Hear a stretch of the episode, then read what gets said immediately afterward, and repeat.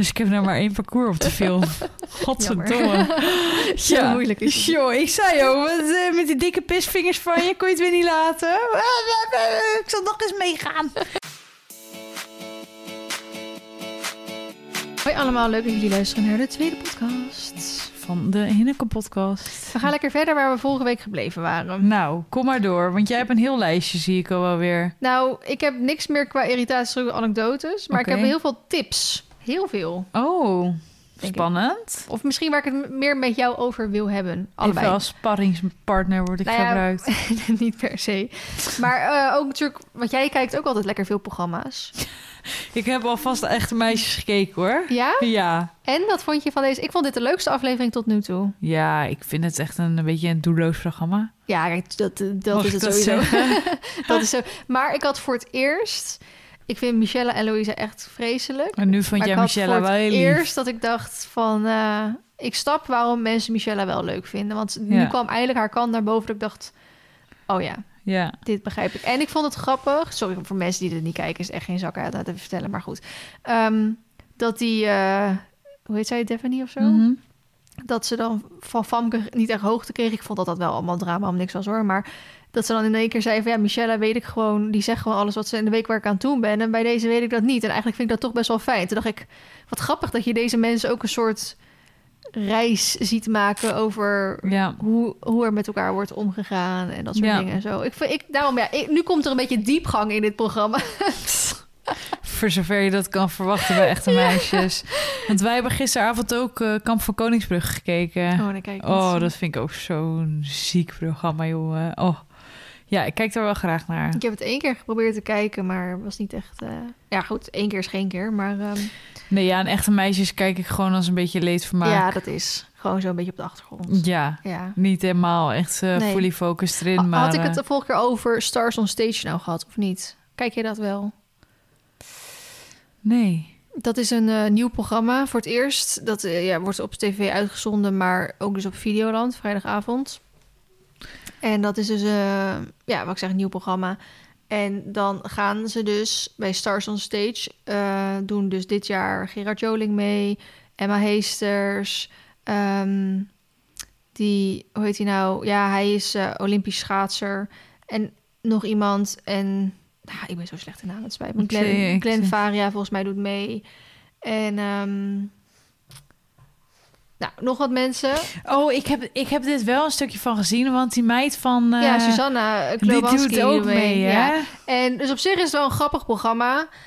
Het is niet, het, het is, het is nog nieuw, dus het is heel low budget, zeg maar, allemaal gedaan. En zo is bijvoorbeeld Mask Singers natuurlijk ook ooit begonnen. Ja. En dat is nu ook een van de best bekeken programma's. En dat zie je ook aan het budget wat ze eraan uitgeven. Dus, en dat gaat er nou eigenlijk om dat, ze- dat ze op zoek zijn. Nou, niet echt op zoek zijn, maar dan naar de volgende musicalster. Dus je moet Ja, ik heb hier kunnen. wel heel veel op gezien op TikTok. Je moet kunnen dansen, je moet kunnen acteren en je moet kunnen zingen, zeg maar. En dat is best wel moeilijk als je al die dingen tegelijkertijd moet doen. En sommige mensen, zoals een ehm, Gerard Joling, die kunnen natuurlijk al heel goed zingen. Mhm. Maar bijvoorbeeld zo'n ehm, die schaatser, die dus Olympisch eh, geschaatst heeft, ja, die kon ook goed zingen. En die doet dat wel volgens mij een beetje voor de fun, een, een beetje een bandje en zo. Maar die heeft daar natuurlijk nooit verder echt iets mee gedaan. En Nee. Susanna Klubanski, die heeft ooit met Idols of zo meegedaan.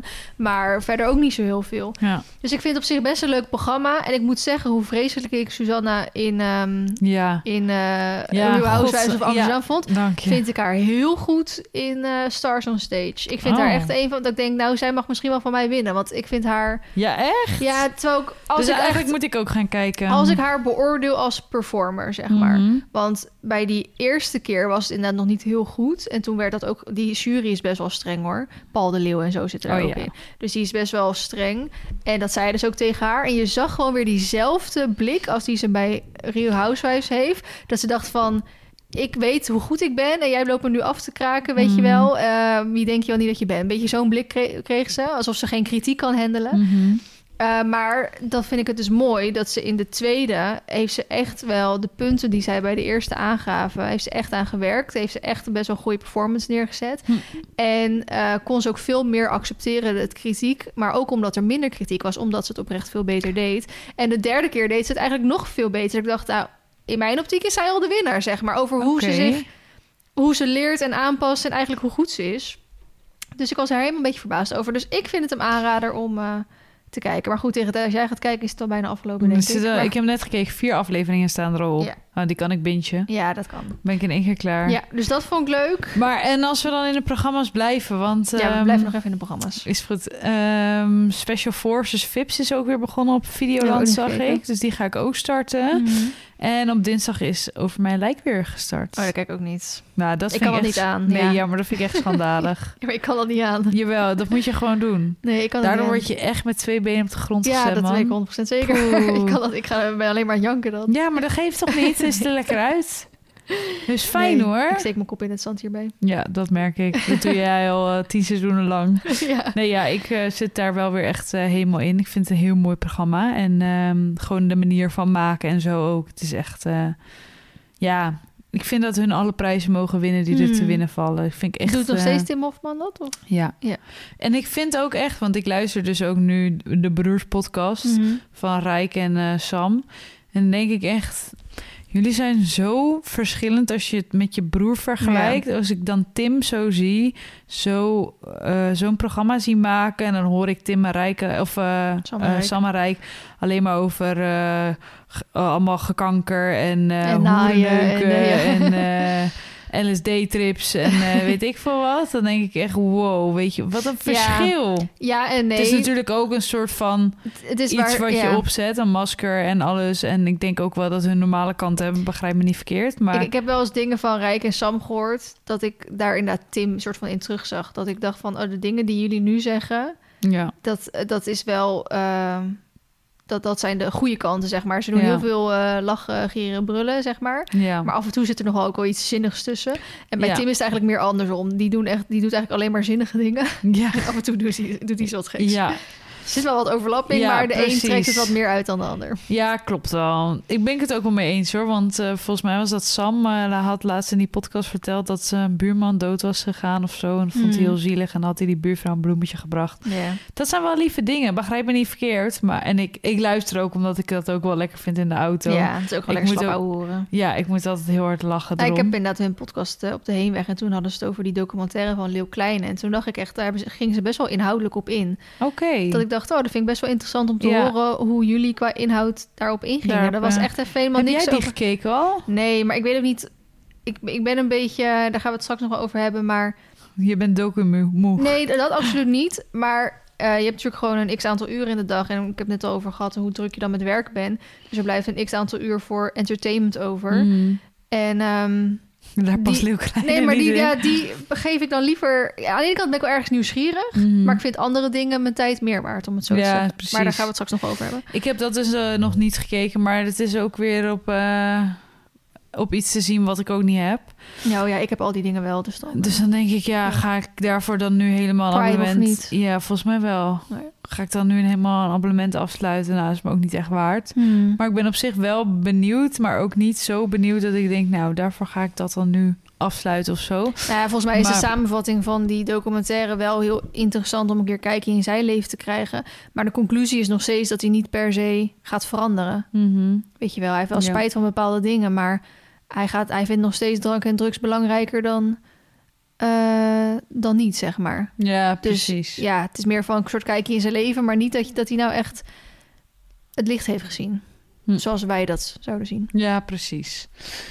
Nou, de, over mijn lijk, want daar waren we gestart en we zijn eindigen bij de Leeuw Kleine. Maar over mijn lijk is ook, is ook een tip. Kleine plotwist. Hè? Dus eh, dat was mijn tip. En jij? Heb je, want jij... eh, Heb je de, de reunie van eh Real Housewives was natuurlijk ook geweest? Ja, heb ik ook gezien. Ja, maar goed, Ja. het is alweer even geleden. Heb jij Good Luck Guys gekeken? Eh, nee. Nee, want dat is ook op Prime. Dat heb ik niet. ja. Dus geef me even je wachtwoord. Dan kan ik even kijken. Daar was dus ook de reunie van eh, geweest. En daar heb ik me echt mateloos aan geïrriteerd. Aan wie dan? Nou, je hebt dus eh, die es Esmee en Ja. die zus van haar. Ja, Sharon. Ja, ik vond die twee bij Good Luck Guys vreselijk. Terwijl ik Esmee best oké vind bij echte meisjes. Ja. Best oké. Ehm, Ligt het aan de naam? Nee. En bij eh Good Luck Guys waren natuurlijk die, ehm, die gast met dat suikerspinhaar. Hoe heet die ook weer? Ziggy. Ziggy. En Dit had- weet ik dus wel allemaal, hè? Moet je nagaan hoe up-to-date ik ben. Ja, ja, ja. Dat En, is ongekend. en je had nog zo'n eh, guy die eh, ook homo is. En dat is niet omdat Siggy ook is, maar gewoon... Misschien weet je dan over wie ik het heb. Hij is een tweelingbroer. Ze doen heel veel op TikTok samen. Ja, ik weet, ben zo slecht in namen, jongens.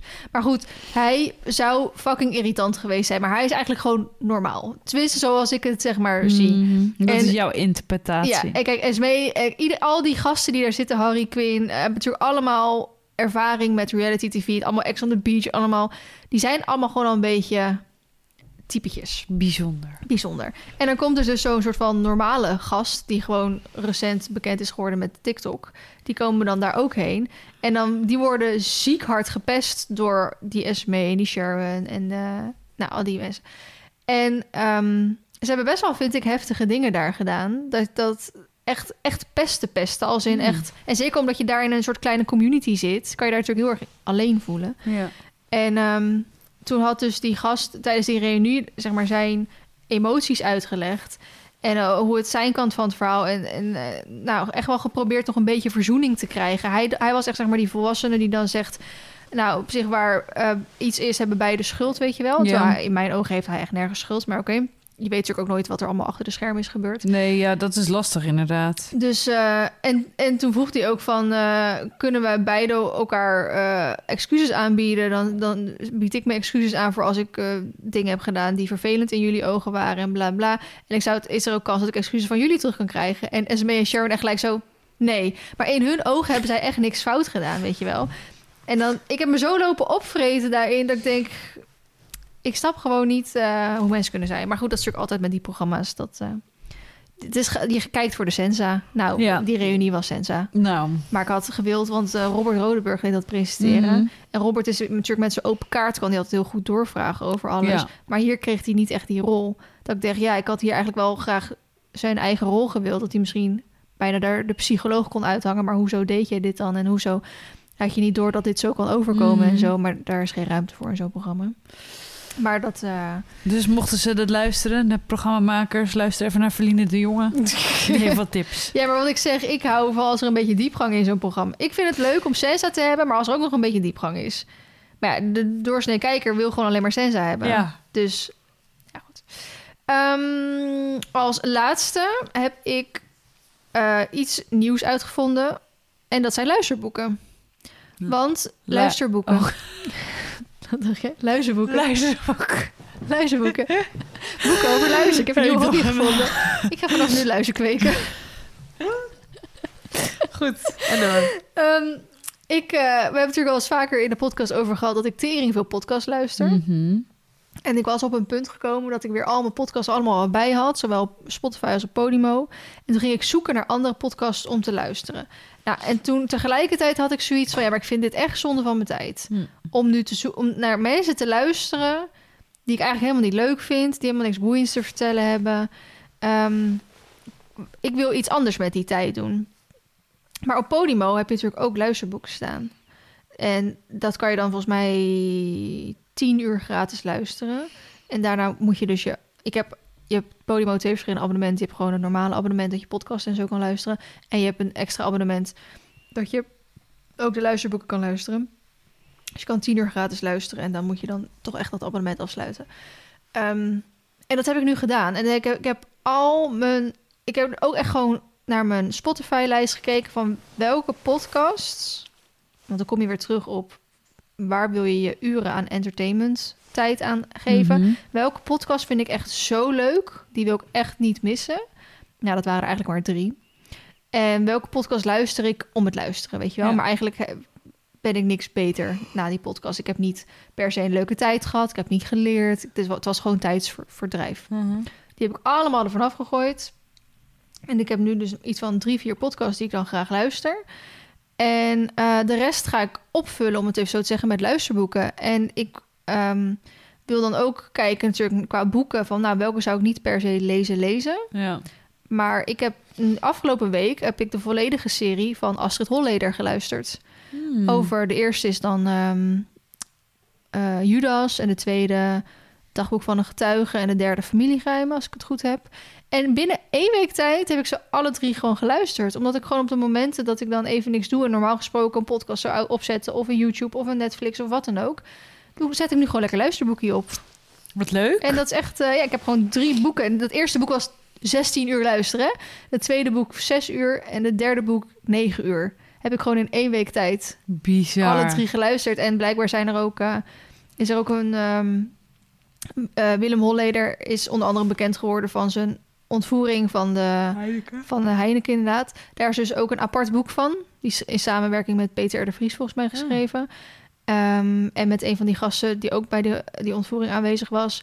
En er is ook een film van gemaakt. En er is nu ook een serie over Holleder. Dat staat allemaal op Videoland als het goed Heb is. ik al gekeken. Dus ik heb nu zoiets... ik heb nu die drie boeken. Ik heb letterlijk vanochtend het laatste stukje geluisterd. Ja. Dan wil ik nu eerst ehm, die film en die serie gaan kijken. Dan misschien nog even ook dat luisterboek van de, het Heineken-boek. Dat bestaat ook.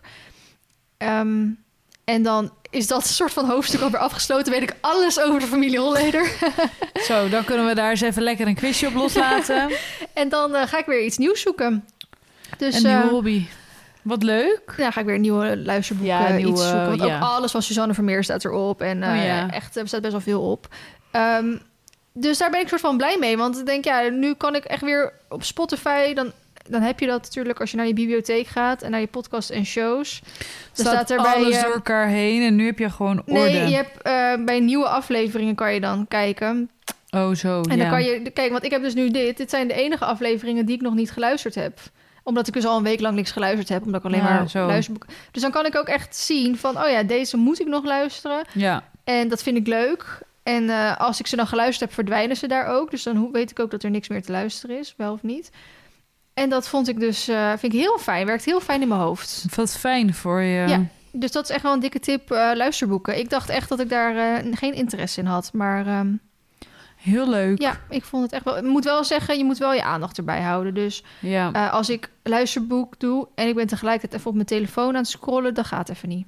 Terwijl ik dat met de podcast vind ik dat niet zo heel erg, omdat het vaak Nee. niet zo... Niet zo boeiend Niet is, zo boeiend maar is, dan inderdaad. eh, ga Maar je even eh, mis. dan mis ik even. En maar ik wel, en ik weet niet of het aan die app ligt of aan wat dan ook, maar ik heb echt heel vaak dat ik dan geluisterd heb. Maar het, het gaat om 16 uur. Ik onthoud niet eh, hoe ver ik gebleven 16 ben. Uur. En als ik dan die app afsluit en ik open hem weer, dan staat hij gewoon weer op nul. En dan moet ik dus gaan zoeken waar ik in hemelsnaam gebleven was. En ik heb ook wel eens gehad, want als ik dan zo'n zo'n luisterboek ge- geluisterd heb, dan staat het natuurlijk zo op je scherm. En dan, eh, nou, dan doe je hem zo terug in je broekzak en dan gaat er iets langs dat schuifje. Nou, en dan schuift hij ook even naar een heel ander tijdstip, weet je wel. Jeetje. Dus ik heb, Elke keer eh, screenshotten. ik heb heel, heel veel dubbele stukken geluisterd. Omdat ik dacht, ja, ik ben hier ergens gebleven, maar laat ik maar dit stukje even opnieuw luisteren dan. Dus ik denk dat ik heel wat extra uur geluisterd heb in die end. Dus dat, dat is nog wel een dingetje dat ik denk, nou, daar mogen ze wel beter eh, Ja. opslaan waar je nou eigenlijk gebleven was.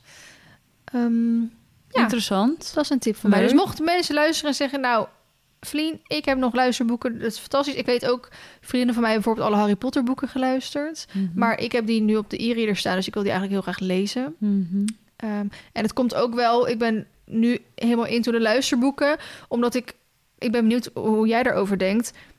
Eh, op mijn e-reader zit ik nu in een boek waar ik niet doorheen kom. Meid, ik lees geen boeken, want ik kan niet lezen. ja, dat klinkt heel dom, maar ik, ik heb geen geduld voor. Maar betekent dat niet dat je gewoon niet het genre bent tegengekomen... wat jouw interesse wekt? Ja, nou... Ik weet wel een beetje waar het vandaan komt, dat ik een hekel heb aan lezen. ik had vroeger op de basisschool een hekel aan lezen. En dan moest je AVI lezen. Ken je dat nog? Nee, Hebben jullie dat nooit gehad? misschien wel, maar de naam zegt me niks. En je kon AVI 1, AVI 2, AVI uit. want Dan was je klaar, zeg maar.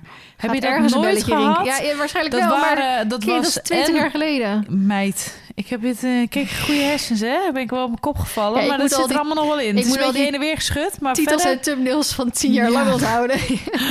daar zit het er bij jou in. Nee, dan moest je bij een juf... Ik weet nog heel goed, het was, bij ons juf Margriet. Die nam de AVI's altijd eh, af. En laatst liepen wij toevallig langs het klaslokaal... waar die AVI's dan afgenomen werden. Dat was AVI lezen. En dat begon volgens mij in groep drie. Begon je met AVI lezen en vaak was je in groep...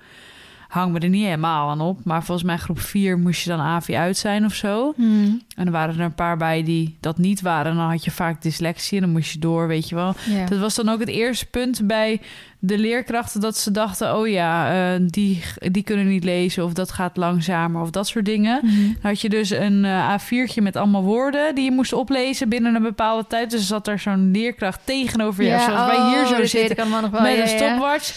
En je moest dus een tekst lezen. Maar dat, dat moest je dan, dat moesten wij in ieder geval altijd met zo'n blaadje. En dan mocht je alleen maar één regel zien. Oh ja, ja, ja. Weet je dan? Ja, eh, nou, ja. dat moest je uitlezen. En als dat dan binnen de tijd was, dan mocht je weer een AVI verder of zo. Of nou, mocht, kon je volgens mij max twee AVI's omhoog of zo. Maar toen had ik al altijd een hekel aan lezen. Ik heb dat nooit leuk gevonden. Omdat ik kan op zich wel lezen, maar het kost mij heel veel moeite. En ik lees zeg maar ook soms de zinnen achterstevoren Mhm. of door elkaar heen. Ook als maar ik heb jij een- dyslexie of niet? Of ben nou, ik ben er dus nooit op getest, maar ik denk het dus wel. Maar dan zou ik daarvoor moeten testen. Maar het kost me gewoon heel veel energie. Ook als ik een stukje met jou moet voorlezen, dan ga ik ook altijd Ja. dingen door elkaar heen Terwijl halen. als jij typt, heb, zie ik niet dat jij dyslexie hebt. Nee. Maar als jij begint te lezen, dan hoor je het eigenlijk meteen. Ja, ik kan, ik kan dat ook niet. Voor, ik kan niet zo goed voorlezen en zo. Mhm. Daar had ik vroeger dus ook al stress voor. Maar goed. Jij deed niet mee aan de voorleeswedstrijd. Nee, 100% niet. Nee, ik kan heel goed typen en heel snel. En dat gaat allemaal heel goed in mijn hoofd. Mhm. Maar lezen dus niet. En voorlezen ook niet. Dat, daar gaat het mis ergens. Ik weet niet wat er is. Dat heb ik dus al altijd gehad. En dus ik heb ook altijd een ehm, tante gehad. Die gaf mij ieder jaar voor mijn verjaardag een boek. Of als ik dan geslaagd was met eh, diploma voor het zwemmen en zo, dan kreeg ik een boek. Ja, ik had zo'n pleurishekel aan boeken. Want Je had kreeg- automatisch pleuren zeker wel niet, tante. nou ja, het was niet heel veel, eh, heel veel soeps inderdaad. Maar dan dacht ik echt, ja, ik krijg wel weer een boek. Ze bedoelt het goed. Ze bedoelt Ze het bedoelt goed. het goed, maar pff, En ze moet meer lezen. vreselijk, die Ja. boeken. Dus daar heb, ik heb dat nooit leuk Jij hebt gewoon gevonden. een negatieve associatie met lezen. Ja, en nu, Jury is echt heel erg van het lezen het laatste jaar. En die leest echt, nou, een, een, een boek in een maand, zeg maar, Ik geef minimaal. hem ook een e-reader voor zijn verjaardag. Ja, heb, heb ik al bij hem gepolst, maar dat wilde hij niet. Ja, dan denkt hij dat hij dat niet wil. Ja, nou ja. Sjoerd dacht dat ook, maar is heel blij Ja, mee. dat is waar. Maar hij, nee, hij eh, vond het niet zo, eh, zo'n goed plan. Dus het is er nooit echt van gekomen. Dus ik met boeken en ik heb vorig jaar een boek van eh Dai gekocht. Dus die van Special Forces of Mhm. van Kamp van Koningsbrugge. Omdat ik dat een heel mooi boek dacht, dacht ik. te vinden. Nou, ik kwam er niet doorheen. Nee. 30 Oké, bladzijden. Oké, jammer. Dr. Pol heb ik gelezen, ook 30 bladzijden. Ik heb dat roze boek nog in mijn kast liggen. Mhm. De eerste twee bladzijden. Dus ja, en nee, ik kan er een heel mooi Nee. verhaal van ophangen. Nee, oké. Ik vind het niks. Nou, ik heb dus met Sjoerd dus wel erover gehad en hij heeft een beetje hetzelfde. Als je begint aan een boek, wil ik hem uitlezen. Mhm. Hoe kut ik hem ook vind, dan verplicht ik mezelf echt om, om het te doen. Ja, knap van je dat je die motivatie hebt. Maar omdat ik nu meer lees en ook dus meer boeken lees waar ik dus niet doorheen kom, eh begint dat me dus een beetje tegen te staan. Mm. Omdat ik dan Ook zonde van de tijd. zonde van de tijd inderdaad. Dat ik denk, ja, maar in deze tijd had ik ook een leuk boek kunnen lezen. Ja. En het is natuurlijk ook een soort journey om te kijken van welk genre vind jij dus leuk. Dus Mhm. blijkbaar vind ik niet elk genre leuk. Alleen dat ik weet nog daar te weinig van om echt te kunnen zeggen, oh dit is dit genre en dat vind ik niet zo chill en dat genre vind ik juist hartstikke leuk, weet je wel. Maar ehm, ik heb dus inderdaad nu een boek op mijn e-reader waarvan ik dacht het gaat ook over Amerikaanse vrouwen die naar IJsland gaan en daar op die IJslandse paarden gaan. En het gaat niet per se om die IJslandse paarden, maar het gaat om de, de onderlinge verbanden tussen hun en de vriendschappen en de avonturen die ze meemaken natuurlijk. Maar ik zag gewoon die naam en de kaft en daar stond de IJsla- IJslandse paardjes op. Dus ik dacht, nou leuk, dan downloaden we die ook. Maar ik kom gewoon niet door dat boek heen. En ik had hetzelfde met Master Your Mindset, een hartstikke bekend boek. Ik kom er niet doorheen. En ik moest van mezelf echt verplichten om er doorheen te gaan. Maar dat, en ik, daarom wil ik nu een soort van mijn e-reader niet aanraken. Omdat ik denk, ja, maar dan moet ik dat boek van mezelf gaan lezen. Maar ik wil dat boek eigenlijk helemaal niet lezen. En ik had met mezelf afgesproken, alleen nog dit geen boek. joker inzetten? Ja, echt. eh, Alleen Geef dit boek nog. drie jokers in ja, het Het is jaar. wel Ja. inderdaad. Eh, hierna ga ik eindelijk aan die Harry Potter-serie beginnen. En daar ben ik... Sjoerd heeft mij letterlijk die e-reader gegeven... zodat ik die Harry Potter-serie kon Ja. gaan lezen. En nu heb ik allemaal boeken gelezen en nog steeds niet daar. Want ik dacht, ja, maar ik wil eigenlijk eerst die allemaal lezen... en dan ga ik daar aan. Maar nu heb ik al twee boeken achter elkaar gehad... waar ik niet doorheen kwam. Die Master Your Mindset, nou, die heb ik eigenlijk echt... uiteindelijk op 80% maar eh, weggedaan.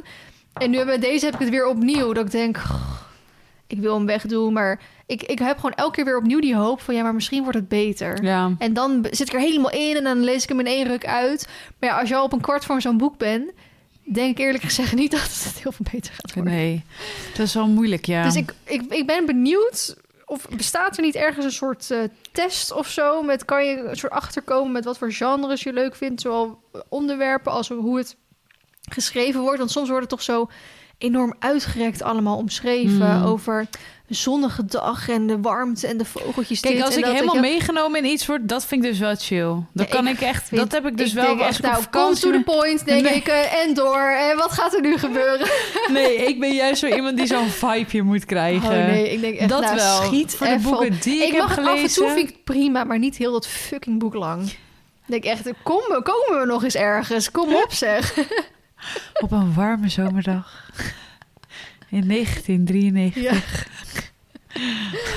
Oh nee, ik het echt... nee, dat is dus niks voor jou. nee. Nou, duidelijk. Ja, dus ik, nou, in mijn Jij bent op zoek naar een test. vraag was dus aan jou eigenlijk van hoe doe jij dat? Maar jij doet Ja, dus niet. überhaupt Ik, niks. nee, je moet dat aan mijn, eh, mijn wederhelft vragen die boven aan het werk is. Oh ja, dat zou ik zo even doen. Ja, die Wederhelft. overigens nog steeds niet gegeten heeft. Dus die zal zo wel komen, want die zal wel honger hebben. kan ik me ergens bij voorstellen. ja. Maar eh, ik moet eerlijk zeggen, dat was alles wat ik te vertellen had. Als in wat ik opgeschreven had. Ik heb natuurlijk nog wel wat dingetjes meegemaakt deze week. Maar voor de rest... ehm, Ik heb me opgegeven voor 70 centimeter aanstaande zaterdag. Toch wel? Oh my god. Ja. Maar 70, dat red je Ja, dat makkelijk moet je met twee vingers in je, kunnen. in je neus. Ja, maar ik ben wel nu al zenuwachtig. En vrijdag ga je met mij mee. Ja. Ik heb alleen nog steeds geen startlijst. Fucking kut. Ik heb al drie keer gemaild. Ja, nou goed, ik heb op zich veel tijd. Dus dat is prima. Tot, hoe laat kon je ook weer? Vijf of zo, ja, toch? echt wel toch laat. Ja, nou, Dus dat is prima. ik hoop het. Maar eh, ik zat eigenlijk ehm, zaterdagochtend ehm Sjoe de verjaardag. En ik ga daarna door naar Amersfoort. Maar Sjoe heeft de verjaardag verplaatst. Dus toen dacht ik... hmm, En ik, die 70... Anders zou Edwin gaan, toch? Nee, die gaat volgende maand. Oh, ja- oh ja, dat was dat was het. Maar ehm, die 70 Meid, begint om 9 uur 's 70. ochtends al. En meestal Ja. is, is... eh, De vorige keer toen ik ging helpen... was er volgens mij maar één iemand in de 70. Dus Meid. als ik bij 70 opgeef... ben ik waarschijnlijk als eerste ja, daar. of als tweede. Dus dan kan, kan dat ik- wel altijd wel berekenen. Ja, dan kan Tussen ik 9 en half berekenen. 10 ben jij, punt. Precies. En dan kan ik prima om 11, 12 uur in Amersfoort zijn. ja. Als ik gelijk vanaf stal doorga. ja. Dus dat, Dat dat, is wel. prima. En we hebben om 12 uur afgesproken. Dus Wat ga je ook weer doen? met die meiden gaan we een nachtje weg. Oh ja. Kun je daar Dus, ook wel douchen eh, en zo? Ja, inderdaad. Dus dan... ehm, ehm, ja, ik heb het nog tegen praktisch niemand verteld dat ik dit ga doen. Oh, zo luisteraar, die hoort het echt pas natuurlijk echt... eh, Maar twee weken 70 later, is maar- prima. ja. Nou, ik maak me wel. ook niet heel erg druk om de hoogte en zo hoor. Maar gewoon... Je eigen stress. eigen stress. En dat ik dan natuurlijk in de ene bak moet losrijden. En dan naar Ja. de andere. Dat, heeft, dat kent hij natuurlijk niet echt. Nee. Hij heeft nog, en nu scheelt het wel met de 70, omdat ik dan waarschijnlijk als eerste of tweede ben, is die bak nog heel rustig. Ehm, maar het- ja, het is een 2040 ongeveer bak waar je dan moet losspringen. Ja, als je dan Ja. in, in het middelpunt bent, dan, dan rij je daar gewoon straks met 20 paarden Nou, in één keer. ik- dat vind ik Ik vreselijk. was dus afgelopen weekend op concours en ehm, moest ik ook losspringen. En ik had me opgegeven voor een rondje 80 en een rondje 90. Want ik dacht dus van, eh, oh, dan kan ik in twee rubrieken voor prijzen meerijden, zeg maar. Als in, niet dat ik echt voor prijzen meerijd, maar dan kon Mhm. ik twee keer officieel starten. En toen dacht ik in één keer, kut, ik mag helemaal geen 80 meer starten. Want ik ben al een meter gestart en dan Mhm. mag je dus geen 80 meer starten.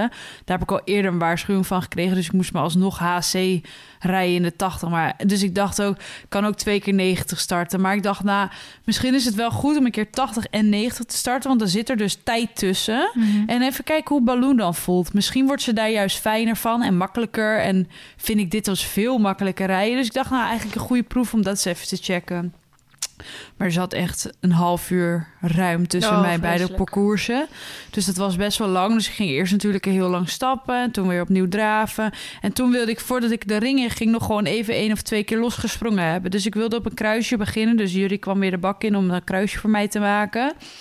En eh, nou, ik had één keer dat kruis gesprongen. Maar Baloo die ging dus in één keer... want ze was fucking fijn daartussen, zeg maar. Ik was sowieso foutloos in de 80 en het was een prima parcoursje. En in de tijd tussen de 80 en de 90 was ze heel erg fijn. En ik wilde dus dat kruisje springen. En in één keer denkt ze zo... Speedy Gonzales. Dus die trekt aan op die sprong, maar echt gewoon gevaarlijk hard. Dat ik dacht, ja, er staat nu maar een kruis van 30 centimeter. Maar als ze dat straks op een hindernis van 90 centimeter doen, Mm. ga ik het dwars doorheen. Dus ik moest er een paar keer flink eventjes stopzetten naar die sprong. Van, doe eens even normaal, vriendin. Dit is niet helemaal hoe het hoort. Mm. Dus ik wilde dat kruisje nog een keer extra springen. Dus ik riep al kruis. En toen was er dus iemand anders die ook dat kruisje aan het springen was. En diegene die mee was, die stond in één keer midden voor dat kruis om dat kruis op te hogen. Dus ik moest last minute weer omsturen. Nou, dan krijg ik al helemaal de bibbers. Want ik denk, ik word nu binnengeroepen om erin te gaan. Maar ik heb dus enkel een kruis van 30 centimeter gesprongen. Ja. Nou, toen wilde ik dus nog een keer, want toen zei ik van zet maar een steltje neer dan, prima. Maar ik zei meteen weer stel, dat ik dacht ja, hup, dan kom ik wel. En ik voel dus gewoon op mijn lijn dat ze weer zo knetterhard gaat aantrekken dat ik dacht, ah, dus ik draai een volte en ik roep in die volte nog een keer stel. En op dat moment denkt iemand, ja, het duurt mij te lang. Dus die gaat voor mij. Dus ik moest nog een volte draaien. Nou, toen dacht Belou echt, fuck jou, zoek het even uit. Mm. Dus toen moest ik dat eerst dressurmatig weer oplossen. Maar dan heb je dus al stress, want je moet zo de ring in. En dus ik riep weer stijl en hup, weer iemand zo voor me. Dus Jury stond daar echt van... Dus ik werd pissig. Dus ik schreeuw zo door die bak heen. Jullie blijft staan. Ik zeg, ik wil ook nog een keer. Maar ik was zo boos. Want ik dacht, niemand laat me ertussen. En dus ik zeg, stel. Ik dacht, ja, optieven nou. Nu wil ik even ook een keer Ja. springen. Iedereen elke keer ervoor. Ik dacht, ja, doei. Dus jullie zei heel goed. Nu heb je wel in ieder geval duidelijk aangegeven dat jij nu gaat springen. En toen sprong ze netjes. Dus toen ben ik zo met de bak ingegaan. Mm. Maar ik was wel even op zo'n moment dat ik dacht... oh, die frustratie dan? Dat, dat, dat, dat Mm. inrijterrein is nog een heel vak apart buiten je springparcours om eigenlijk. maar Dat vind ik dus ook kut, want dan gaan mensen ook wel eens naast elkaar stappen... terwijl er dus al twee hindernissen in de bak staan... waardoor Ja. je er dus al niet echt heel makkelijk en Nee. fijn langs kan rijden. Dan zijn het ook van die paarden die dan rode strik- strikjes ja. in hun eh, in de staart hebben. Ja. Dus dan gaan ze naast elkaar stappen. Dan kun jij er dus al niet langs. Dus jij kan niet inspringen, want jij moet weer een extra volte maken. Fucking irritant. Ja, daar ben ik ook best vaak voor, dat ja. in- en uitstappen, instappen. Het was nu zondag te koud. Maar eh, uitstappen doe ik altijd buiten. Ja, Dan maar aan de hand. Ja, ja Ik ga eh, zo snel mogelijk weg daar. Ja. ja. Dan heb, heb- Ja. geef ik iemand- Nou, een ander ook weer de Ja, ruimte. nou daar ben ik dus best wel... Nou, ik, het is niet alsof ik daar spanning om heb... maar ik vind dat ook wel, wel weer ergens wel spannend... dat dat gaat wel een soort van zijn eerste ervaring daarmee worden. En ehm, nu reageert hij gelukkig niet op paarden die langzaam gaan... of langzaam springen. Maar nu was er bijvoorbeeld gisteren met springles... ging er iemand wel eh, heel dicht langs me... en toen zei ze sorry. Zei ik, ja, ik reek zelf ook een beetje in de weg, hoor. En toen zei ik, het is ook goed dat hij... want ze ging soort van in galop heel dicht langs me... En eh Nachi die vond het wel een beetje spannend. En eh, toen, dacht, toen zei ze dus sorry. Ik zo nee, dat is eigenlijk wel goed. Want dan leert hij dat ook even. Want Ja. dat gaat 100% gebeuren Ik tijdens het zeggen, inrijden maar- straks. Ik hoop voor jou dan inderdaad dat je hopelijk de enige bent in de 70. Maar je moet je ook voorstellen, eigenlijk hoe kutter is... Het is kutter om lager te springen.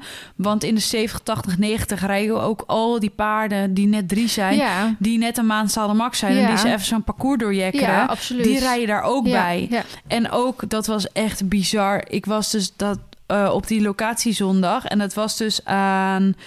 Het was een dichte bak. Dus je reed meteen langs de muur, zeg maar, aan één kant. Mhm. En aan de korte kant had je eh, ramen. Mhm. Dan had je aan de lange kant had je kantine. Dus dat was ook weer ramen en hoge mm, Mhm. bakrand. En dan had je dus de korte kant weer waar dus de mensen stonden. Er was dus eentje met een jonkie, denk ik. Die was een beetje jolig en die was alleen maar aan het bokken de hele tijd. En die reden ze één keer bij de korte kant langs die ramen heen. En dat paard is jolig, tenminste. Die sprong elke keer zijn wissels om, maar alleen achter. Dus ik denk een beetje vast in het SI of zo, weet je Mm. wel. Hij bleef daarin gewoon hupsen. En die slaat achteruit, Vline. Die slaat die hele ruit kort en klein. Maar dat was een klap, jongen, in die, in die bak. Dus ik zat echt van holy shit. Dus ik zat ho braaf, Walou, ho braaf. Maar echt dat, die hele ruit, nou, het was echt een grote ruit. Was gewoon zeg maar zo'n ruit als wat Mhm. ik hier achter in de tuin of eh hè, in dat je woonkamer heb, ja. nou helemaal aan diggelen. Ja. Dat ik dacht holy shit. ja, je zijn zoveel externe factoren van inderdaad... dat is echt kut als je hoe lager je springt, Ja. hoe hoger het wordt, hoe meer mensen d- dat ja. ervaring al mee hebben. Ja. Dus, maar ja, het hoort er wel bij. En Ja. dit ga je op iedere wedstrijd. Ja, en je want- kan niet zeggen, ja. yo, ga even allemaal aan de kant, want eh, mijn Nee. paard kan hier niet tegen. Want- je moet nee. gewoon go with the flow. Want andersom is het ook zo. Natch is natuurlijk ook een beetje zo. Ja, Dus ik kan wel hopen dat andere mensen niet zo zijn, maar mijn paard is precies hetzelfde, Ja. weet je wel. Dus ja. Dus daar ja, je kan je er heel druk om maken. En ik snap dat. En het is echt een ding met eh, heel veel mensen in rijen en een kort eh, klein bakje en zo. Maar het is niet anders. En dit ga je overal meemaken op iedere. ja, dus dat moet gewoon goed en gaan. je, Maar en op dat een gegeven moment kun je wel je, je accommodaties er natuurlijk een beetje op uitzoeken. Ja. Maar het is overal zo. Ja, maar met Mar, die is ehm, een paar keer zo afgesneden tijdens eh, inspringen. ehm, dat, die paard, dat hij zeg maar, een paard hoefde maar zijn staart te zwiepen op drie meter Ja. afstand. En hij was al doodsbang, Ja. weet je wel. Dat is niks voor Mar. Maar die is gewoon een paar keer zo afgesneden. ehm, of dan een staart in zijn gezicht gekregen. Of Mhm. bijna een trap, zeg maar. Ja. Ehm, die was daar zo bang voor geworden... dat hij niet meer achter andere paarden daar, eh, langs durfde. Nou, dan heb je helemaal een probleem in zo'n eh, kleine Ja. kutbak, weet je wel. En Dus- met, het komt heel veel voor. En je moet je jezelf er maar voor op voorbereiden dat het er gewoon bij hoort. Punt. Het is, je kan daar niks anders mee doen. Nee.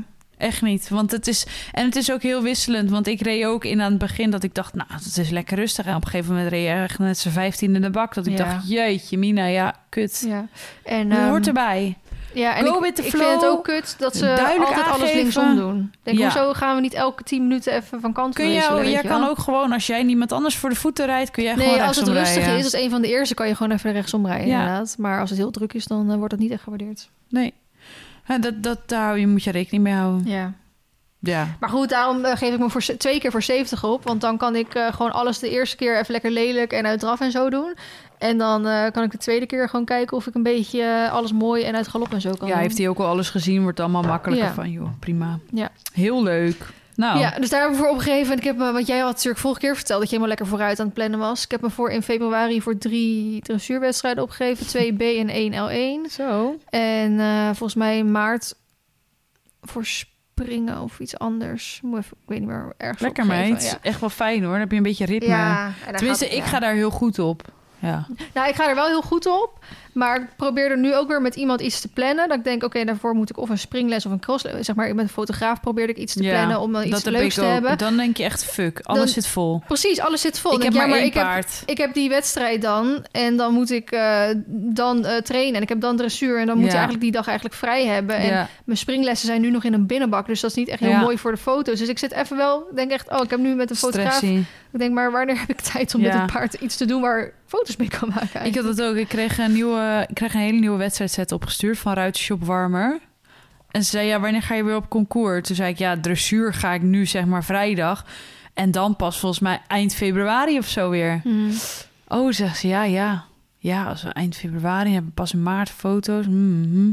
Nou, dan probeer ik het allemaal wel voor, voor vrijdag opgestuurd te hebben. En dan kan de fotograaf vrijdag met jou mee. Ja. Dan hebben we zaterdag zeg maar alles binnen. En dan kan- kunnen we dat ook weer voor de website gebruiken. Dat ik dacht, ja, dat is ook prima. Maar je moet overal rekening mee houden. Ja. En dat is echt, dat vind ik Ja, echt lastig maar hoor. dat is inderdaad echt omdat we één ja ik heb dan natuurlijk ook nog wel Mar je hebt nog wel Tissy maar dat is anders Ja, met Tizzy kan ik niks. nee precies en met Mar kan ik ook niet even weer eh, gaan kosten in één keer of zo nee.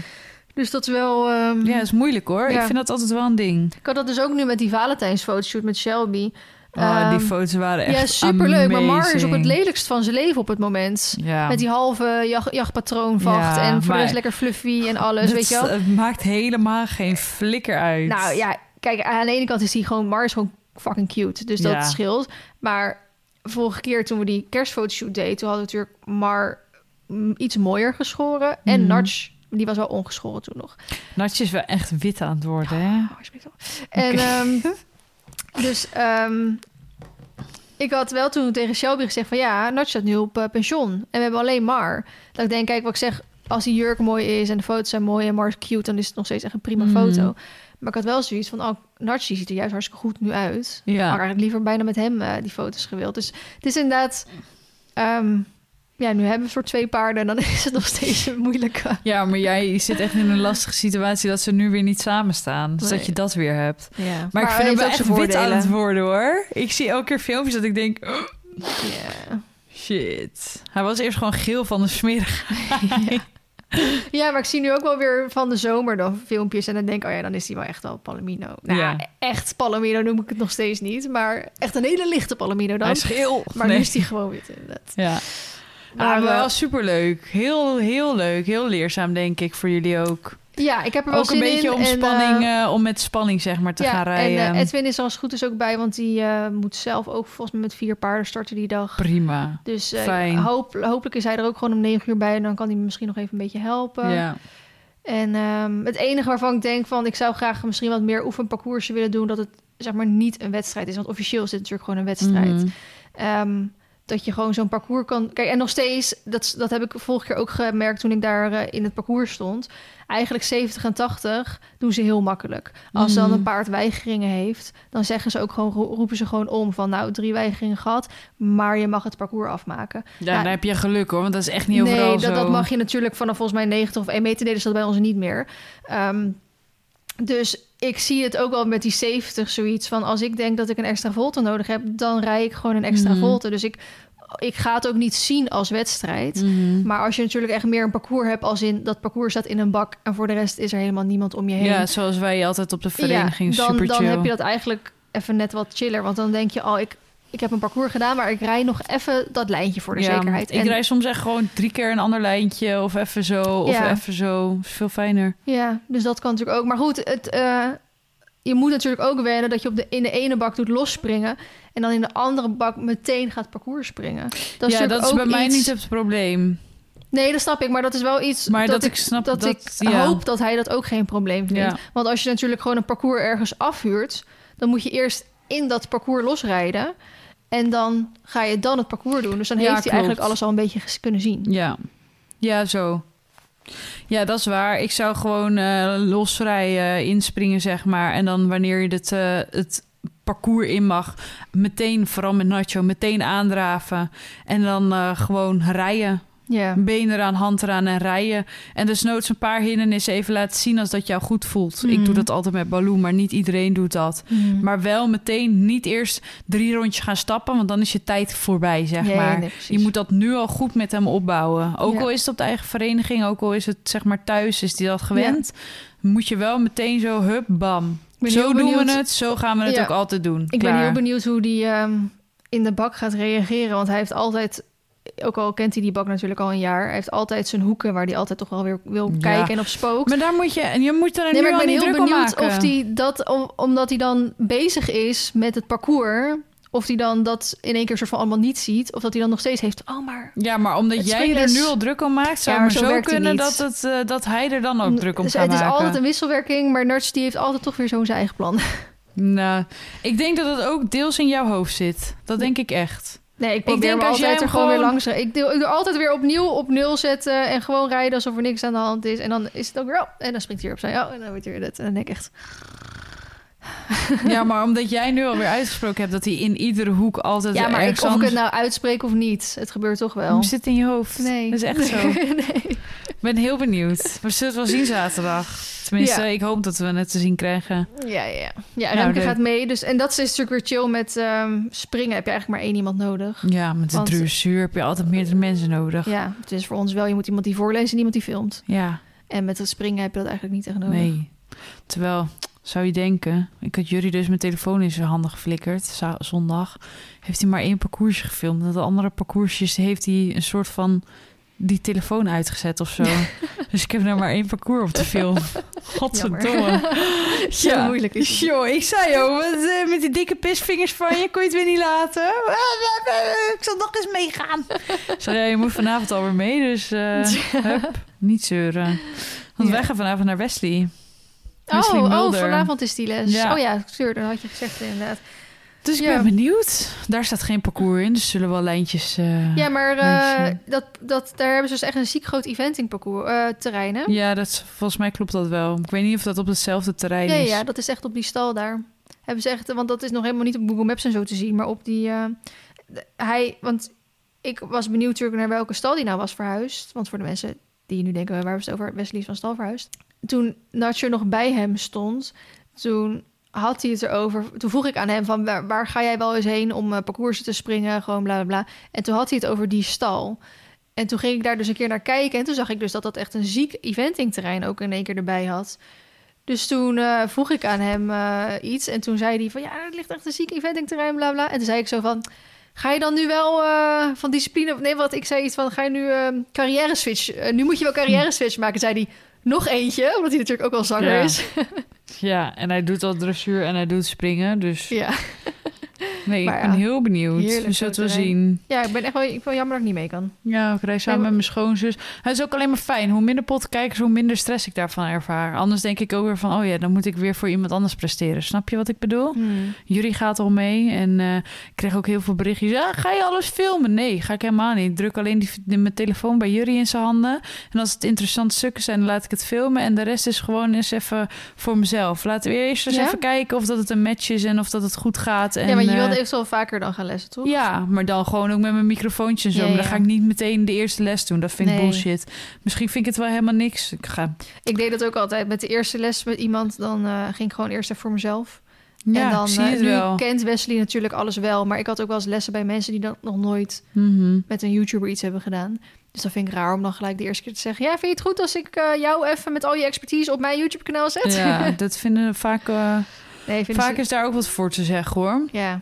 Daarom, ik heb ook des te meer begrip voor Jill dat ze dat op zo'n manier doet. Hmm. Dan denk ik, ja, ik begrijp het eigenlijk wel. Want dit is hoe, hoe zij zichzelf helemaal heeft opgeleid. En eigenlijk geef je dan gewoon hele, hele lessen geef je vrij ehm, op een kanaal wat niet eens voor jou is. Dan denk ik, ja, eigenlijk is het heel logisch. Ik weet ook niet of dat ik dat zou willen. Ja, maar Jill zit natuurlijk wel onder achter een paywall. Want ja, wij- maar als wij de lessen voor, van ons op ons social media ja, maar die mogen ook niet met geluid filmen. Nee, daarom juist. Dat, dat is wat ik zeg. Dat ik daar juist meer respect voor heb. Dat ik dan denk... oh, ik dacht dat begrijp dat respect dat, ze het wel doet, maar je hebt respect dat ze het niet doet. Nee, dat ze bij ons, als wij eh, die les of zo willen filmen, dat ze dan zeggen, nou. Nee, dan denk ik, ja, ik begrijp het eigenlijk wel. Ja, ik heb wel. 1, 1 maart weer les van haar. Oh ja, ik heb eh 11 februari of zo. Oh ja, in de buurt? Ja, bij eh, vlakbij die eh, dure stal. Oh ja, Se- Se- Seren. Seren. Ja, die ja. Volgens mij is het daar. Ja. Eerst stond ik op de wachtlijst. Maar ehm, er was echt al een maand niet in die groepsapp gesproken. Dus ik had gezegd, eh, is er toevallig al plek voor mij gekomen, eh, vrijgekomen? En toen begonnen er echt al drie. Oh ja, ik krijg het toch niet rond met werk. Dus waarschijnlijk heb ik zelfs een privéles nu in plaats van een duoles. Oh, wanneer was dat? 11 februari? Ja. Misschien kan ik wel mee. Eh, 16 februari. Vrijdag. Maar oh, goed, het kan springen in Luttenberg. Oh ja. Helaas. kan natuurlijk zijn dat het alweer vol zit. Ja. Maar ja, en dan heb ik sowieso 1 maart alweer les. Nou, Ja. Dat durf ik wel aan. Nee, ik ben heel benieuwd ehm, Spanning. hoe alles weer gaat. Ik vind het ook Leuk. fijn omdat ik ehm, ga ook gewoon steeds meer leren hoe ik dat paard moet rijden. Ja, En wat ik wel mag toelaten en wat ik moet afstraffen, zeg maar. Waar Ja. we het ook in de vorige podcast over hebben gehad. Dus ehm, nog steeds, ik kijk nu echt op beelden terug waarvan ik echt dacht, wat was ik daar aan het doen? Wat dacht ik, weet je wel? Maar goed, dat zal ik over een tijd ook weer hebben als ik op de lessen van nu ga terugkijken. Ja, dat heb ik ook. Soms denk ik echt, eh, hoe dan? Ja, Hoe kan ik dit nou fijn gevoeld hebben? ja. Nou, dat is bijvoorbeeld ook toen ik dus ging terugkijken naar die parcoursen die ik met Mar allemaal sprong. Dat ik dus één meter ging springen. dacht ik echt, dat heb ik echt puur gedaan omdat Mar zo goed karakter heeft dat hij dat gewoon deed. Ja, dat heeft hij niet. Maar dat is niet omdat hij hij nou goed opgeleid gedaan, ja, zeg maar. Dat is niet omdat hij goed opgeleid was. Nee, precies. Maar en het stomme is dat ik, ik zie nu ook vaak veel jonge meiden met hun ponies tussen de paarden gaan. En het ook proberen zoals ik het toen ook geprobeerd heb. En aan de ene kant denk ik, ik heb er heel veel van geleerd, dus doe jij dat ook lekker. Maar aan de andere kant heb ik ook zoiets, ik had met de kennis die ik nu heb, zulke andere keuzes gemaakt. Ja, maar nu ben je ook bijna 30. Die kids Ja. zijn inderdaad 12, 13. Nee, dat zijn ook allemaal gewoon 18-jarigen dan. of, daar, of daarboven. Maar dat scheelt alsnog 10 jaar, hè, met jou. Vergeleken met jou nu. Ja, jawel. Dus Maar, dat is natuurlijk wel, ja. ja, maar goed, ik was toen ook zo oud, toen ik dat deed. Ja, en, daarom dat ik- was toen ook een goede keuze Ja, voor precies. jou. Dus toen dacht ik, dus daarom kan ik het hun ook niet kwalijk nemen. Maar eh, ik heb wel echt zoiets, ik snap wel hoe oudere mensen daarover dachten. Want ik denk er eigenlijk nu zelf, nu ik ouder ben, ook zo over. Ja, zo. Dat ik Ja. denk, neem alsjeblieft meer les. Of eh, probeer dit of probeer dat. Of weet je wel zo. Maar ja, Ja, dat, eh ik denk dat het ook niet dan. altijd met eh, lessen te maken heeft. Want het hoeft, ook al heb jij wekelijks les... ehm, maar als het niet de juiste manier is... of als het dat niet is- voor jou ja. werkt... dan kom je daar misschien ook pas later achter. Ja. Nee, en, en dat is natuurlijk het... ehm, vroeger had ik of geen les of eh, les op, de, op stal. Mhm. En eh, dat waren natuurlijk eh, allemaal groepslessen ook en in een 20-40 baan. Dus dat is nooit te vergelijken met wat, wat ik nu allemaal doe. Mhm. Maar ja, nu heb je meer geld, je hebt, je hebt meer ontdekt welke instructeurs bij je passen. Ja. Je hebt meer dit, meer dat. heel anders. Dus je kan ook meer investeren erin. Ja. Je kan lekker met de trailer op pad ergens voor. Dus dat is natuurlijk ook heel anders. ja. Je, kan, je kan nooit jezelf afrekenen op de keuzes die je toen maakte. Want dat, dat waren de omstandigheden die je toen toeliet. ja. Maar ik vind het wel gewoon heel grappig om dat terug te kijken. Ja, ik denk echt, dat- oh, zo bleu toen nog. Zo, Schattig. ja, dat je dat probeerde. En onze knappe Marsje die dat dan gewoon deed, weet je wel. Dat was echt gewoon een parcours van een meter. Want, Ja. Ik moet wel zeggen, ik was dan dat aan het terugkijken. Ik was het parcours foutloos rondgekomen. Alleen hij eh, in die dubbel, toen schoot hij bij, zeg maar, hij ging over de eerste heen en bij die tweede schoot hij er langs. Toen reed ik hem opnieuw aan en toen sprong hij hem wel gewoon. En ik had voor de rest geen enkele balk of weigering. En toen dacht ik wel echt, ik heb nog een soort van spijt tot het moment van vandaag dat dat nooit in één keer, dat ik net even niet te goed hem tussen twee teugels had. Want Mhm. anders had ik wel gewoon die winstpunt in de B gehad, weet je wel. Maar je stelpunten waren wel goed. Ja, dat is eigenlijk altijd wel prima. Maar ik heb altijd daarna een weigering of een balk gehad. Dus soms dan denk ik echt van... Was die eerste keer maar gewoon gelijk, zeg maar dan. Maar goed, dat is altijd achteraf. Straks met Nacho. Ja. Poging 2. Toch? Ja, ja, ja, ja. Ja, die Dat moet het makkelijk goed. kunnen. Dat denk ik ook. Die stappen er wel overheen. Ja. Maar goed, dan moet, hij, eh, moet het toch allemaal beter gaan. Komt vast goed. Zullen we hem afsluiten? Ja. Hoe ver, eh, hoeveel minuten zitten we? 50. Nou, kijk aan. Twee podcasts van ruim 50 minuten. Ja, ik zit even te kijken Hoe is ik, het eh, mogelijk? Wij hadden de vorige podcastje. Oh, die maandag 15e. Ik zit even nog snel te kijken of ik nog iets boeiends gedaan heb. Mm, dat evenement, mijn Engelse les. Verjaardag. Ehm osteopaat. Oh ja, os, ja, osteopaat is wel geweest. Maar dat bewaar ik anders misschien wel voor in een video nog. Wat daar allemaal uitgekomen is. Spannend. En verder, eh, ja, happy hippies, maar daar hebben we het ook over gehad. Een beetje. Globaal. En ja. Ik heb allemaal leuke dingen op de planning komende tijd. Gewoon, eh, en Sjoerd komt natuurlijk over iets meer dan een week weer thuis. gaat snel eigenlijk. Dan heeft hij de eerste keer bij zijn nieuwe baan op Cedro weer op Ja. zitten, toch? Wij, oh ja, dat is nog waar ik, waar ik het met jou over wil hebben. En dan gaan we lekker afsluiten. Sjoerd en ik hebben dus een soort doel gemaakt. Mhm. En het is een beetje als een grapje bedoeld. Maar ja, heel veel doelen zijn uiteindelijk wel Serieus? serieus. Ja. En ehm, het grapje is natuurlijk ooit dat Sjoerd zei, altijd zei... van als jij nou gewoon heel veel geld gaat verdienen... dan word ik wel huisvader, weet je wel. Mhm. En nou, het verlengde daarvan is een beetje dat... als wij aan kinderen beginnen... zou ik eigenlijk wel heel graag willen dat hij thuis blijft. Mhm. En ehm, van mij hoeft hij niet huisvader te worden. Maar ik word er ook niet gelukkig van... of wij worden niet als hij een fulltime baan thuis heeft... want dan zie ik hem denk ik nog minder... dan als hij gewoon op zee zeg maar de helft van het jaar zit. Ja, oké. ja. Dus eigenlijk zouden wij allebei niet willen dat hij meer dan part-time werkt. Niet meer dan drie, max vier dagen in de week in ieder geval. Als hij gewoon... Maar hoe kan het op zee, zeg maar? Nee, dus dan zou hij dus ja, gewoon ja, een normale baan moeten nemen. Dus ehm, wij hebben nu echt een beetje dat doel. Oh, en daarom ben ik misschien wel nog ex- meer excited over het Engelse kanaal en Happy Hippies en de kledinglijn straks. En eh, want dat sprak ik ook uit tijdens Happy Hippies. Van veel keuzes die ik maak hebben gewoon wel met geld te maken. Ik bedoel, daar hebben wij het natuurlijk best wel vaak over. En ik ben daar ook niet eh, bescheiden over om over geld te praten. Ik vind het heel leuk om over geld te praten. Maar soms dan lijkt het altijd van ja, maar je doet alles voor het geld. En dan denk ik, ja, maar voor mij is geld is uiteindelijk het doel om inderdaad straks genoeg te verdienen. Om Short, om het zo te zeggen, terug naar huis te halen. Hm. Dat ik dan dat stuk van zijn salaris kan opvangen. En hij thuis kan blijven. Ja. Zodat hij gewoon lekker heel de dag een beetje kan klussen. En dan nou, part-time werken eventueel. En straks voor de kinderen ook veel meer thuis is. Dat is Mhm. ons doel een soort van. Mhm. En ik had gisteren ging ik met mijn schoonmoeder mennen.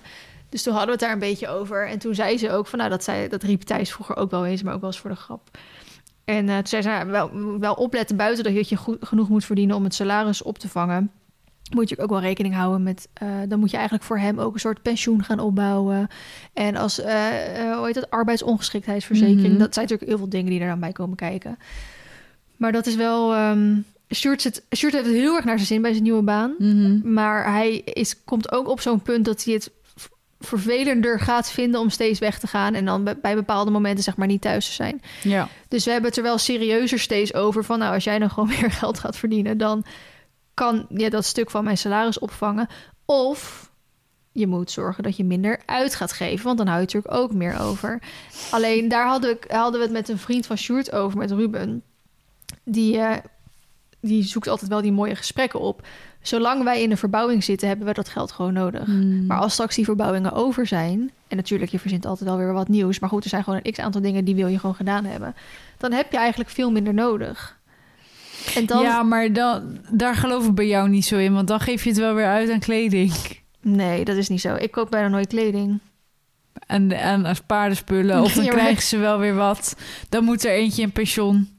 Ja, er is altijd inderdaad wel een soort van er is iets, altijd wel weer wat maar nieuws. niet... Ja, maar dat is hoe ik het al op deze manier doe. Maar nu gaat het om het huis. Ja. Ik moet ook meebetalen aan dat huis heel de tijd. Maar als dat huis straks gewoon een stuk goedkoper is... omdat er geen verbouwingen meer... dan hou je veel meer geld over. ja. Ja, dat klopt. Dus... Dan hou je geld over. Maar dan moet je dat inderdaad wel apart gaan zetten. Ja, dan moet je daar wel dus... Maar dat, dat zijn dus wel echt dingen waar je dus serieus over na moet gaan denken. Maar zou je echt willen dat Sjoerd huis, huisvaders... Zeker, hij ook. Maar hij heeft, het, hij heeft genoeg te doen, hè? Hij gaat lekker klussen, lekker in die tuin bezig, lekker dit, lekker dat. Hij kan mij af en toe helpen met dingen. Hij vindt dat helemaal lekker. Net zoals zijn vader, die is natuurlijk nu met pensioen. Ja, die heeft helemaal naar zijn zin hoe we nu wonen. Die is Ja. altijd lekker bezig. En hun huis is in theorie af natuurlijk. Ja. Maar er zijn nog steeds genoeg dingen. En bijvoorbeeld, hij is nu eh, energiecoach geworden. Die heeft zich Mm. aangesloten bij Energiecoöperatie... om dus mensen te nou, adviseren en zo. Dat is volgens mij een vrijwilligersfunctie gewoon. Ehm, dus ook zeggen, als Sjoerd dan gewoon een part-time baan ergens heeft... dan ja. Ik, ik houdt hij alle tijd over om ehm, lekker alle dingen rondom het huis te doen. Ja, zo. Want ik kan... Tuurlijk, hij is heel veel weg nu. Maar ik denk liever dat ik hem vijf weken thuis heb... dat ik hem dan overal mee naartoe kan nemen... als je iets wil gaan doen. Mhm. Dan dat je inderdaad afhankelijk bent van dat hij gewoon echt een... eh, zoveel dagen in de week en van zo laat tot zo laat moet werken. Mhm. Dat als ik zeg, kom, we gaan even een weekendje weg... of we gaan eh, mor- overdag even hierheen, dat hij dan nooit kan. Maar denk jij dat ehm, jouw werk, dus als influencer zeg maar, nog 30 jaar blijft bestaan? Nee, sowieso niet. Maar eh, dit bestond vijf jaar geleden ook al niet. Dus ik geloof er wel in, en daar ben je dan nu al mee bezig... om stappen te ondernemen om dan vervolgens je geld mee te gaan verdienen. Kijk, dat is toch bijvoorbeeld, heel simpel voorbeeld... eh, Monica Geus is toch ook gestopt met, influ- dus met, met vloggen... en die heeft nu dat Sophia mee. Dat is haar ding. En het presenteren op Videoland, Mhm. weet ik het wat. Je gaat op een gegeven moment groeien ergens in... Mhm. Of je, of je nou ergens ingroeit wat al bestaat, of je lanceert zelf iets nieuws wat je dan gaat doen. Dat is altijd de volgende stappen zijn. Dat. Ja. En ik geloof er wel in dat ik dat wel kan. Die creëer ik wel weer. Ja, zo. Ja, ik zou er niet aan moeten denken dat, ze, dat jullie huisvader wordt. Nee, maar ik denk dat het heel anders is om in een rijtjeshuis of dat je hoe je zo woont. Ja, maar ook als ik in jouw schoenen zou staan, dan zou dat niks voor mij zijn. Wil jij dan huisvrouw zijn? Nou, dan zou dat eerder mijn voorkeur hebben, ja. Oh ja, nou, ik zou daar dus niet gelukkig van worden. Maar ik vind huisvrouw, ja, ik vind dat dat altijd een beetje onderdoet aan wat het natuurlijk allemaal inhoudt. Laat ik dat voorop stellen. Maar ik, ehm, nee, ik, vind- ik, ik weet niet. Ik vind het misschien ook een beetje eh, mannelijk of zo. Als de man ook zijn eigen geld verdient. Hmm. Ik vind dat wel wat hebben. Hmm. Ik vind dat wel eh, sexy of zo. Ja, ik weet niet. Ja, ik, ik vind. ehm, we hebben het net over feminisme en zo gehad. Nou, ik ben wel misschien van de oude stempel dan. Hmm. Dan denk ik wel van. eh, ik vind dat. eh, ja, dat. Nee, zo zou ik het wel. Ik zou liever willen dat ik dan huisvrouw word. Hmm. dan dat Jury huisvader gaat worden. Dan moet hij echt wel drie à vier dagen in de week werken. Punt. en kijk, ik, eh, ik kan me natuurlijk sowieso niet voorstellen hoe het is zoals jullie een relatie hebben. Dat is dat die vijf weken op, vijf weken af is. Hmm. Dat, dat zou sowieso al niks voor mij zijn. Dus in dat opzicht kan ik me dat niet inbeelden. Maar dat hij vijf dagen thuis is, ongeacht hoe we wonen. Nou, weet ik niet. Heeft niemand Sommige voor- relaties houden dat ook niet vol, hè? Nee, ja, zou echt niet. eh, nee. Dus daar kan ik niet echt met je over sparren, denk ik. Nee. Ik voel me daar ook niet helemaal eh, de persoon voor of zo. Snap je wat ik ja. bedoel? Nee, dat voel ik helemaal niet. Dan Nee, ik nee. vind het wel grappig inderdaad. Ik hoef dat totaal niet. En Sjoerd zegt, oh, dat zou ik me heerlijk lijken. Ja, maar mij lijkt dat ook heerlijk. Een beetje, eh, een beetje van alles Ja. thuis doen en Nou, dat rond lijkt het me huis. dus vreselijk. Maar ik vind het ook heel fijn om mijn eigen geld te verdienen. Mm. En om heel hard te werken voor mijn eigen geld. En ja. eh, ja, maar Sjoerd heeft ook wel zoiets van... ik wil, ik, ik wil niet mijn hand ophouden bij jou van... eh, mag ik eh, dit kopen of zo. Dus hij zegt, ik wil inderdaad wel mijn eigen geld blijven verdienen. Ja. Maar dat hoeft niet meer fulltime dan. Dus inderdaad drie, max vier dagen in de week. En het liefste ook nog, maar dat komt... Ja, maar kijk, drie max vier dagen in de week is ook alweer bijna fulltime, zeg maar. In, de, in termen van 2024. Want niemand werkt tegenwoordig meer vijf dagen in de week. Even heel Mhm. plat gezegd. Maar er zit ook een verschil tussen nul uur werken voor een baas... en dus drie à vier dagen in de week. Ja, ja. Ja, het ligt er denk ik aan natuurlijk met hoe erg je het nog nodig hebt... en hoe, hoe hij dat nog wil. Maar ehm, wat wilde ik zeggen? Dan ga ik liever nu knetterhard werken, allebei... en dan rond een leeftijd van 55 samen met pensioen. Dat je er dan van kan genieten. Ja, precies. Dat zou meer mijn voorkeur Ja. hebben. Nou ja, voor mij is het natuurlijk anders... omdat inderdaad Sjoerd nu op zee werkt. Ja, Dus voor mij is het als ik meer ga verdienen... ehm, want hij gaat het salaris gewoon never krijgen wat hij nu, nee. zeg maar dan. Dus dan komt hij thuis. Dus dan heb je een soort doel van wat heb je liever, weet je wel? Dus dan... ehm, eh, oh ja, en wat ik... Maar goed, dat is ook omdat wij natuurlijk zo dit leven gewend zijn... zou ik ook niet echt, en hij ook niet willen... dat hij dan zo'n kantoorbaan heeft... dat hij inderdaad van eh 8 tot 5 ergens moet gaan zitten. Want dan... Dat is bijna niet met mijn leven te combineren. Als in dat je dan in één keer weg wil of weg moet of wat dan ook. Of dat je dan eh, hulp nodig hebt daar of daar. Dat, dat het dan zeg maar flexibel moet. Dus dat je je eigen uren mag indelen. Of eh, Ja. vanuit huis mag werken. Of weet je wel, ook zoiets in die richting. ja.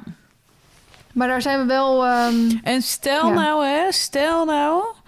hij kan altijd weer teruggaan naar zee, hè? Ja, maar stel nou dat eh Sjoerd ambities heeft om ehm, een baan te nemen ehm, waar jouw werk onder gaat leiden. Dus dat het inderdaad, stel dat hij wel ervoor kiest om straks vijf dagen thuis te gaan werken, zeg maar vanuit, of eh, tenminste eh, kantoorbaan, maar voor vijf dagen in de week van acht tot zes. Ja, maar ik weet... Nee, eh, ongeacht of dat hij dat wel wil of niet. ja, maar daar niet over Zou je te dat denken. dan want ik, supporten ik of niet? durf, Of- durf mijn hand in het te steken dat hij niet die ambities heeft. Maar stel dat dat hij wel die ambities heeft. Dan wordt het dus wel aan de kant gezet voor Feline Hooi, toch? Of niet? Nou, weet ik, blijf gewoon mijn ding doen. Ik ga daar niet minder om doen dan of zo. Nee, precies. Maar dan kan hij dus niet assisteren waar nodig, eventueel voor jou. Hmm. Zou dat een ding zijn? Nee, want daar heb ik dan wel weer een ander of een hoek of iets voor. Dus het gaat niet omdat hij mij dan extra kan helpen of zo, maar dat je het huis, alles eromheen. Of als je inderdaad zegt, oh kom, we gaan ehm, een weekendje naar eh, Mhm. zijn familie toe. Of wat, dat dat ook kan. En niet dat je zegt, oh ja, maar wij werken en... eh, Dus dat zou je wel een ding vinden als dat niet het geval kan Ja, zijn. Omdat ook- jij flexibel bent, ja, maar zeg wij maar. zijn ook om die reden bij elkaar. Omdat dat werkt op die manier. Ja. Ik weet, ik weet 100% zeker als hij net zo ambitieus was... Mhm. dat wij dat die relatie niet zou werken. ja. Dus de- en hij vindt dat prima en ik vind dat prima op die Ja. manier, zeg maar. Dus als hij dat wel zou willen, Mhm. maar wat ik zeg, ik durf hand en zeker dat hij dat niet wil, Mhm. dan ehm, had die relatie niet gewerkt. Nee. Ik heb iemand nodig die mee kan flexibel zijn. En ja, of zes maanden per jaar op zee zit, of dat flexibel is, dat weet ik niet. Mhm. Maar op de tijd dat hij thuis is, is hij wel flexibel. Dus ik heb eigenlijk, li- ik heb, daarom zeg ik altijd, ik heb liever dat hij zes, vijf weken thuis is en vijf weken weg. Want dan weet ik wat ik aan hem heb vijf weken lang. Dan dat hij eh, vijf dagen in de week zou werken. Want dan heb ik eigenlijk helemaal niks aan hem, om het Ja. even zo te zeggen. En aan, niks aan hem, niet als in dat hij me moet helpen, maar ook als vriend slash man. Vader straks ooit zijnde. Dat Interessant. is gewoon niet hoe het eh, bij ons zou werken in ieder Ja. geval.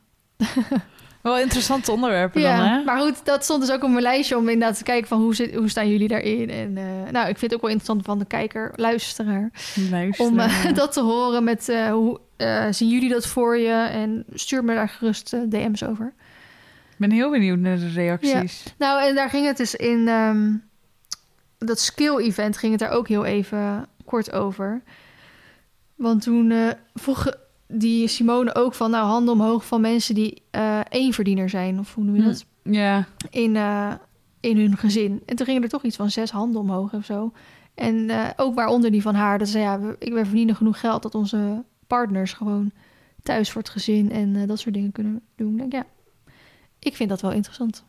Ik vind niet dat, ehm, voordat we scheve gezichten krijgen of zo... ik vind dat een vrouw ook gewoon ambities moet kunnen hebben... en moet kunnen volgen, hoor. Dat, dat is het hele ding nee, maar niet. het is jouw perceptie ervan. Ja, en, maar, en ik vind het gewoon heel fijn als de man zelf ook... ehm, ja, toch wel ambitieus is of zo. Ik denk dat ik dat... ja, maar eh, ik, ik denk dat, dat je kan natuurlijk een andere optiek van ambitieus hebben. Want ik weet dat Sjoerd, eh, bij wijze van, doet hij aan boord niet heel veel anders dan hij thuis doet. Mhm. Klussen en al dingen maken. Ik vind het, dat, ik vind het heel belangrijk dat Sjoerd zijn eigen ding heeft. Mhm. Want daar werd ik een beetje gek van in het appartement. Dat Ja. hij niks had. En dat merk je nu we in het huis hebben. Hij heeft altijd wat te doen. Gaat hij lekker een kippenhok bouwen? Gaat hij die fucking veranda maken? Gaat hij, eh, nou, alles weet je. En dat vind ik, nou, om het in termen van sexy, zeg maar, dat Mhm. hij alles kan maken met zijn handen. Ja, En dat hoeft hij van mij niet te laten zien als in ambitieus in zijn werk. nee. Dat vind ik ook wel als hij even een hele overkapping in zijn eentje in elkaar ik Weet je wel? ja. Dan denk ik, ja, dat, dat vind ik dan als in de mannelijkheid. Ja. Ehm, dat, ja, nou, ik denk dat je het al snapt. Ja. Heel interessant. Maar ik zou inderdaad ook niet, ik denk hij ook niet gelukkig worden als je als die, maar goed, dat weet je natuurlijk nooit. Als hij echt nul geld meer gaat verdienen. Ja. Ik denk dat hij het altijd wel fijn vindt om inderdaad twee, drie, vier dagen in de week te, nou, ik denk niet vier, twee, drie dagen in de week te werken. Om dan toch zelf nog met dat geld iets te kunnen doen. En maar hij is ook aan, hij heeft ook heel veel geld in eh, beleggingen en eh, ja. dat soort dingen. Dus hij heeft nog wel geld overal zitten. En dat zal hij natuurlijk ook altijd wel blijven doen, denk ik. ja, precies. Nou, interessant. Hiermee sluiten we hem af. Ik ben Ja. heel benieuwd naar de reacties. Ik ook. Ik ben heel benieuwd hoe andere mensen dat dan, doen. En, en van waar die keuzes... gebaseerd zijn. Ja, vind ik leuk Ja. om te horen. Eh, bedankt voor het luisteren en graag tot volgende week. Doei doei!